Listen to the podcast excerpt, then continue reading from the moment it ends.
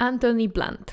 Z jednej strony to jeden z najważniejszych historyków sztuki Wielkiej Brytanii w XX wieku, kurator ogromnej kolekcji dzieł malarskich królowej Elżbiety II i jej ojca. Z drugiej strony członek Cambridge Five, czyli jednej z najniebezpieczniejszych, jak nie najniebezpieczniejszej, siatki szpiegowskiej KGB w zimnowojennej Anglii. Jak do tego doszło, że człowiek spokrewniony z rodziną królewską, autor znakomitych analiz dzieł sztuki, okazał się zdrajcą i rosyjskim szpiegiem? Zapraszam Was do wysłuchania odcinka. Słuchacie Państwo podcastu po królewsku. Cześć, nazywam się Anna Orkisz i jestem Waszą przewodniczką po królewskich tematach i dramatach. Na wstępie dziękuję za bardzo miły odbiór poprzednich e, odcinków podcastu, szczególnie tego o przyszłości monarchii, e, a także tego o urodzinach. Mm, dziękuję także za nowe recenzje w Apple Podcasts, które są przemiłe i no miło się bardzo czyta tego. I motywuje to zdecydowanie do kolejnych nagrań, i właśnie takie nagranie dzisiaj Wam prezentuję.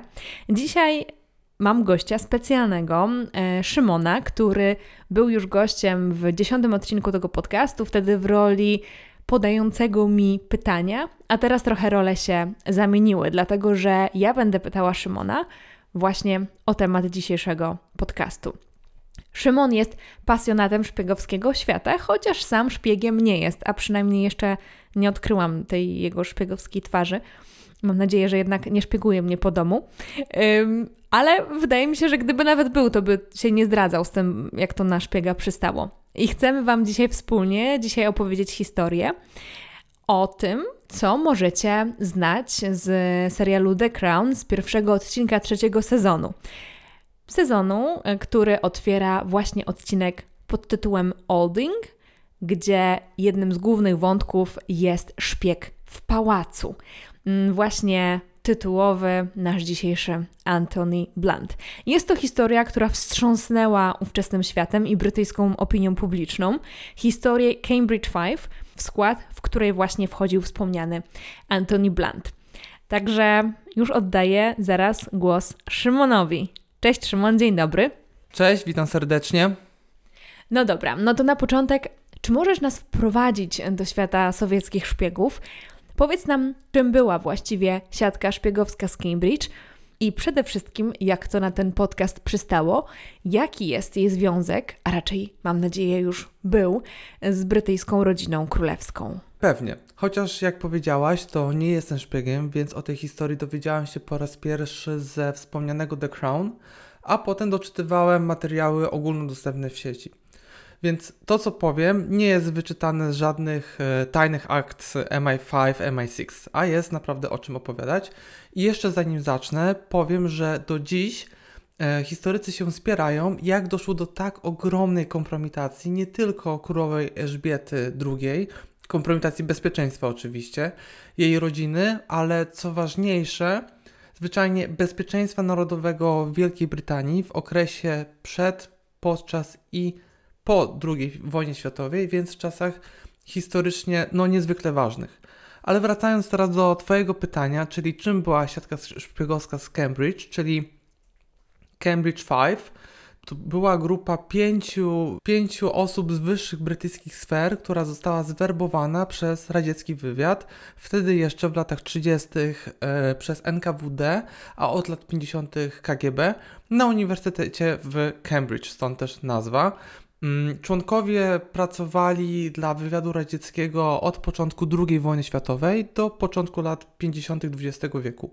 Należało do niej pięć osób: e, Kim Philby, Donald McLean, Guy Burgess, wspomniany wcześniej Anthony Blunt i ostatnia osoba z siatki, czyli John Cancross. Cała historia tej e, szpiegowskiej siatki rzuciła bardzo długi cień na brytyjskie służby specjalne, bardzo mocno podkopując ich autorytet w oczach na przykład Amerykanów, którzy, jak wiemy, współpracowali z Brytyjczykami w ramach wspólnego zwalczania komunizm, komunistów, komunizmu komunistów. E, jeden z członków, Sir Anthony Blunt, w latach 1945-1972 pełnił funkcję kustosza obrazów Elżbiety II, ciągle współpracując z KGB. Historia piątki jest naprawdę bardzo ciekawa i życiorysy, motywacje, wpływy rodziny stworzyły naprawdę no, piątkę wybitnych agentów wywiadu, którzy no, zdradzili jakby na to nie patrzeć swój kraj i raportowali wszystkie ważne dokumenty do sztabu KGB w Moskwie. Powiedziałbym, że każdy z nich tak naprawdę zasługuje na osobny odcinek podcastu. Ale jest to nie podcast o szpiegach, tylko podcast o brytyjskiej, ale nie tylko, ale o rodzinach królewskich. Także dzisiaj zajmiemy się tylko tą sprawą. Ale jeżeli chcielibyście doczytać więcej na temat szpiegów, e, to na samym końcu polecimy Wam książkę, która Wam pomoże tę historię odkryć. No dobra, czyli mówisz, że brytyjscy arystokraci, czy ludzie z arystokratycznych środowisk, zostali rosyjskimi szpiegami. Jak do tego doszło? Jak mówi znana polska piosenka, bo ja nie wiem. E, może chcę zapytać po prostu o to, jak zostać rosyjskim szpiegiem. Tutaj e, to, o co pytasz, czyli jak zostali zwerbowani, bo używamy takiego sformułowania, zostali zwerbowani przez służby zagraniczne do tego, żeby dla nich pracować. Więc e, jak, jak do tego doszło? Cóż, no tutaj musimy zacząć od małego rysu historycznego, od początku. Musimy troszkę bliżej przyjrzeć się latom 30. XX wieku i nastrojom, jakie wtedy panowały. Nie chciałbym tutaj z historii szpiegowskiej robić e, analizy historycznej, ale zrozumienie lat 30. jest naprawdę kluczowe, dlaczego brytyjscy arystokraci dali się zwerbować do, KG, do KGB, bo to właśnie wtedy wspomniana piątka zamieniła się w komunistów. Więc e, jeżeli chodzi o rys lat 30., to w tych czasach e, doszło do jednego z największych kryzysów gospodarczych w historii kapitalizmu, czyli do wielkiego kryzysu na przełomie lat 20. i 30. XX wieku. I mówię o tym dlatego, że dla wielu osób była to oznaka słabości kapitalizmu. Wiele ludzi w tamtych czasach uznało, że kapitalizm jest gorszym ustrojem niż komunizm. Dodatkowo jeszcze nie było to takie jasne, jak jest jasne dzisiaj, że Związek Radziecki masowo więził, terroryzował i głodził swoich obywateli, co jest bardzo dobrze pokazane w filmie Obywatel Jones. Powiedziałbym, że Związek Radziecki miał świetny PR i podczas gdy kraje Zachodu, liberalne demokracje zmagały się z wielkim kryzysem, w Związku Radzieckim wręcz przeciwnie, kraj odnotowywał ogromny wzrost gospodarczy, więc bardzo dużo ludzi uwierzyło w bajkę o, o komunizmie, uwierzyło w to, że jakby this is the way, a nie, um, a nie kapitalizm. Dodatkowo kolejnym powodem jest fakt, że w latach 30. w UK panowała polityka ustępstw Neville'a Chamberlaina wobec rosnących ambicji nazistowskich Niemiec, co dla wielu Brytyjczyków było niedopuszczalne. I właśnie w tych warunkach nasi milusińscy zostali najpierw dostrzeżeni na uniwersytecie przez organizacje sympatyzujące z komunizmem, a następnie potem zostali zrekrutowani do KGB. Więc możemy to podsumować w taki sposób, że młodzi studenci uwierzyli w trochę o, uwierzyli trochę w bajkę o komunizmie, dodatkowo chcieli no, przeciwstawić się temu złu płynącemu właśnie z nazistowskich Niemiec. Dobra, więc jak znamy tło historyczne i panujące w niektórych kręgach nastroje, to chciałabym teraz poznać, jakie były personalne motywacje Antonego Blanta, no i jak udało się go KGB zwerbować. Do zrozumienia motywacji muszę przybliżyć trochę, kim był nasz królewski szpieg. Otóż, e, urodzony w 1907 roku, Bland do 15 roku życia mieszkał w Paryżu. Przed 18 rokiem życia zmarł jego ojciec, co też bardzo go zbliżyło z matką. Tutaj ten wątek matki w jego historii jest dosyć ważny, dlatego że matka była daleko spokrewniona z królową matką, czyli matką królowej Elżbiety II. Bland był naprawdę, powiedziałbym, stopowej e, rodziny arystokratycznej. Bland był molem książkowym, był estetą, interesował się sztuką, w szczególności malarstwem i 1926, z tego co pamiętam, dostał stypendium na Trinity College w Cambridge, gdzie studiował matematykę, a następnie potem zmienił kierunek na lingwistykę. I teraz, jeżeli chodzi o jego rekrutację, czy też werbunek do służb specjalnych, jak to się odbyło? W przypadku Antonego Blanta zwerbował go Guy Burgess, czyli głowa siatki szpiegowskiej, najpierw do grupy antyfaszystowskich aktywistów, ale i wtedy Blant nie był w 100% przekonany co do marksizmu. Guy, sam będąc miłośnikiem sztuki, przekonywał Antonego argumentem bardzo modnym w ówczesnych lewicowych środowiskach, że Sztuka w społeczeństwach burżuazyjnych jest skazana na zagładę, ponieważ burżuje nie inwestują w sztukę. Mogą założyć na przykład prywatną kolekcję, niewiele osób będzie mogło dostąpić zaszczytu jej oglądania. Jedynie państwa takie jak Związek Radziecki mogą być prawdziwymi mecenasami sztuki w XX wieku. Tak więc e, to była jego główna motywacja do tego, żeby zostać, w, zostać zwerbowany do, do KGB, więc e, dbałość o sztukę powiedzmy. Z tego co wiem, po studiach Blunt został pracownikiem dydaktycznym na Cambridge, na uniwersytecie, na którym studiował i rozumiem, że wtedy już działał jako szpieg.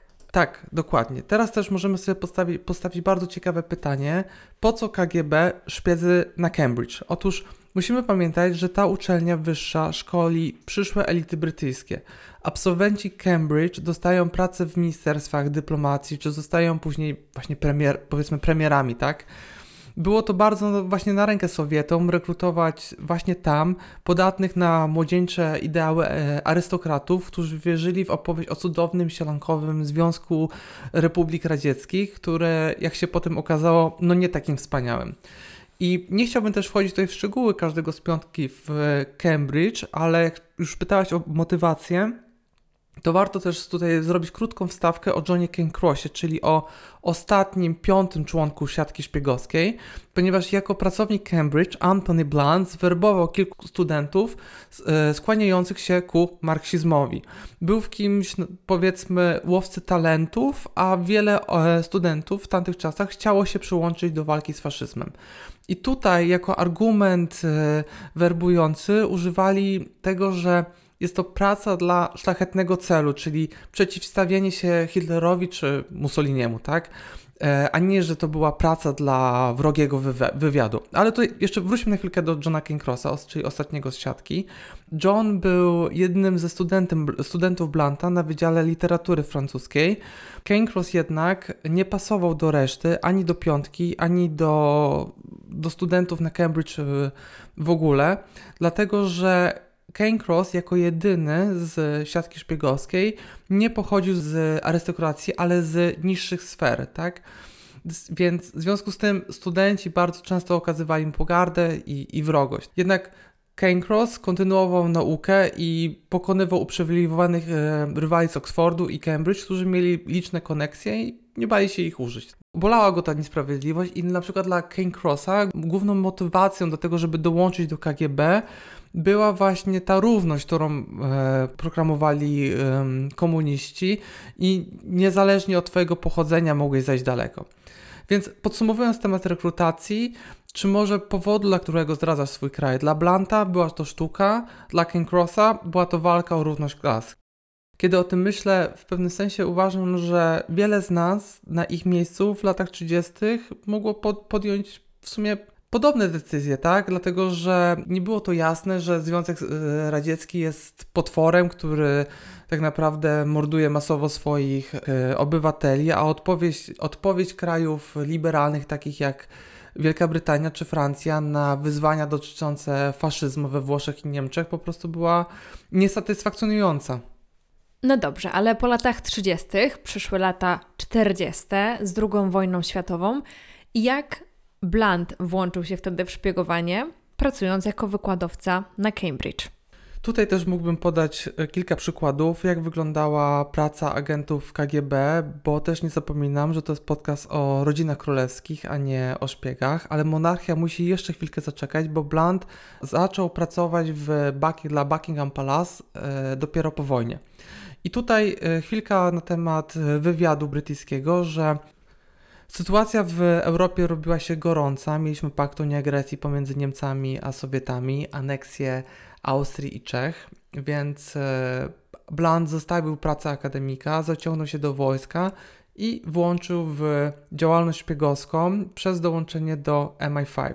MI5, czyli brytyjskie służby specjalne, brytyjskie służby bezpieczeństwa może bardziej, odpowiedzialne za ochronę kraju przed, uwaga, uwaga, penetracją obcych, służb wywiadowczych. E, wszystko to odbyło się przez znajomość z Wiktorem Rothschildem, czyli naprawdę to tylko świadczy o tym, jak wysokie on miał koneksje, z jak wysokiej rodziny pochodził, który przedstawił go Gajowi Lidlowi, czyli zastępcy dyrektora brytyjskiego kontrwywiadu. Lidl natomiast znalazł naszemu przyszłemu kustoszowi sztuki miejsce w MI5, a tym samym e, zrealizował część misji wyznaczonej mu do, przez KGB, czyli przeniknięcie do brytyjskich służb specjalnych. Czyli został takim radzieckim kretem w MI5. Tak, tak. I tutaj też możemy porozmawiać chwilkę, czym zajmują się szpiedzy w MI5 i w jaki sposób Blunt przekazywał informacje swoim kontaktom w KGB. No dobra, więc jak to się odbywało? No to zacznijmy od też takich postaw. Od jego pier... Zacznijmy może od jego pierwszej misji. E, w MI5 pierwszą, pierwsze zadanie, pierwszą misją, jaką e, jakie służby mu dały, było sprawdzenie, w jaki sposób e, służby bezpieczeństwa radzą sobie z śledzeniem osób, a następnie zaproponować metody, jakie można było, jakie można byłoby wdrożyć, żeby udoskonalić ten proces. Antony świetnie się z tego wywiązał. Napisał raport, który wyłuszczył największe słabości zespołów i zaproponował środki zaradcze.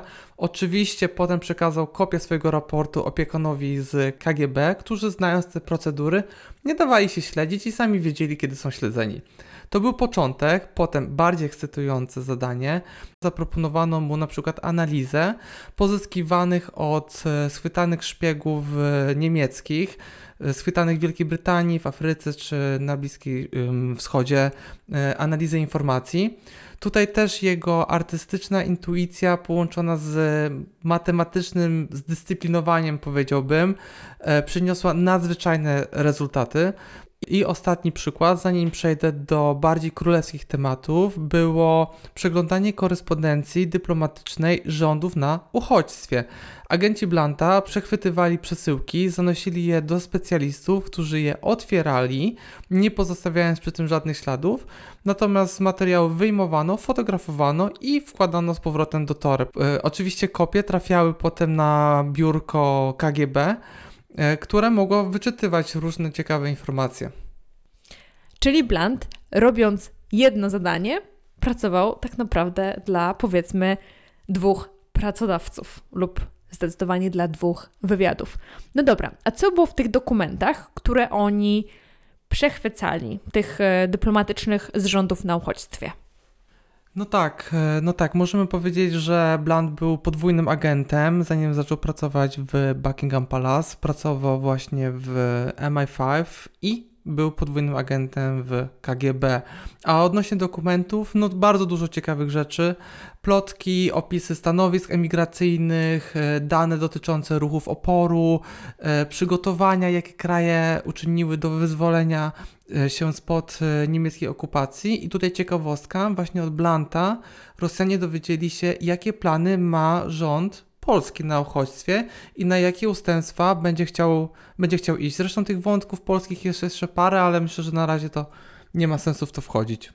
To jest w ogóle wszystko niesamowite i zupełnie nierealne, mi się wydaje, że to wszystko się tak e, łączy. Czyli podczas wojny Blunt pracował w MI5 jako radziecki szpieg, ale z czasem, jak już wcześniej zaczęliśmy mówić, zaczął pracę na dworze, najpierw u ojca Elżbiety, a potem Elżbiety.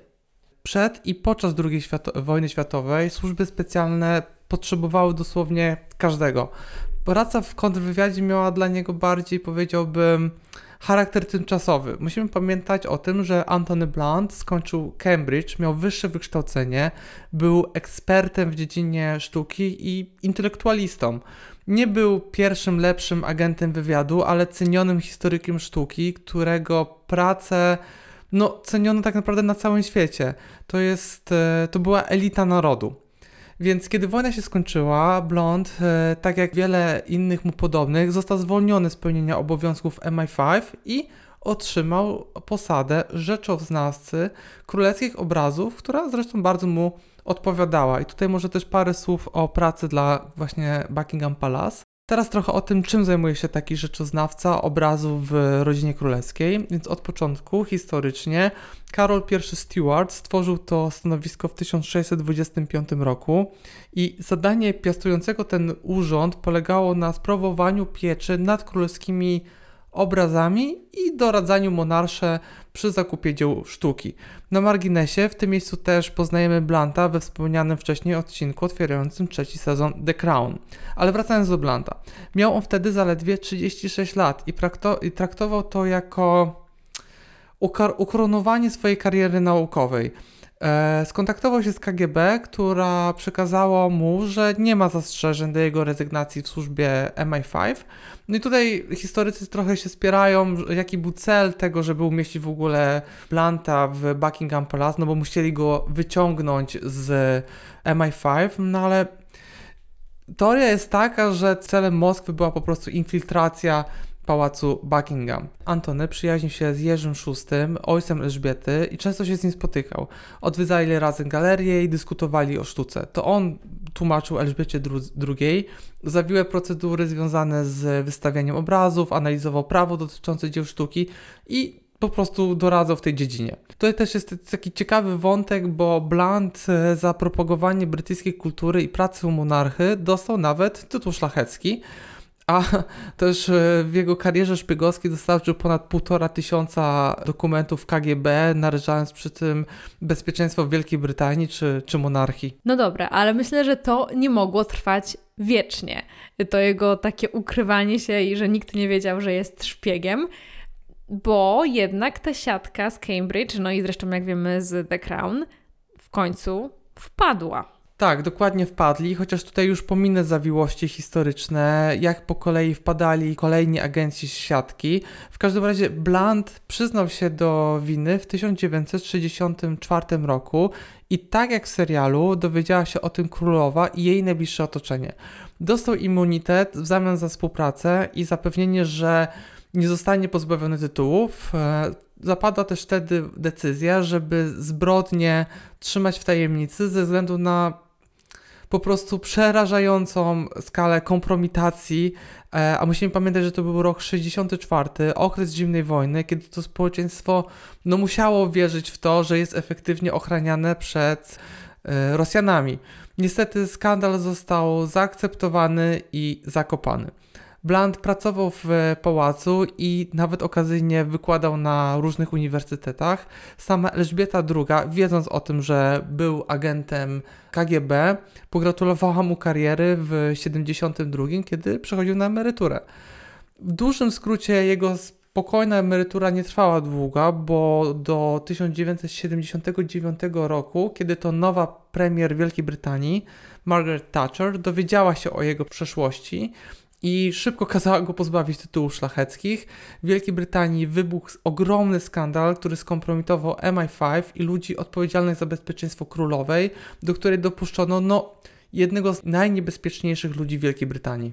To jest absolutnie niesamowita historia, ale to na pewno tylko taki wierzchołek góry lodowej e, w historii związanej z siatką szpiegowską z Cambridge, prawda? Tutaj można mówić i mówić. E, musimy pamiętać, że nie tylko Blunt, ale i jego czterech e, kolegów szpiegowali. Zostali oni zresztą uznani przez historyków za jednych z najefektywniejszych i najgroźniejszych szpiegów w historii. Inne wątki związane z tymi szpiegami to na przykład wykradzenie danych e, dotyczących e, konstrukcji bomby atomowej, tak zwani szpiedzy atomowi, E, śmierć generała Sikorskiego, łamanie kodów Enigmy, dostarczanie danych wywiadowczych do nowego sojuszu wojskowego NATO, Kane Cross, czyli z siatki, o którym troszkę wspomnieliśmy, podał na przykład Sowietom dokładne rozmieszczenie baz wojskowych, budżety, jakie te państwa przeznaczają na ten sojusz.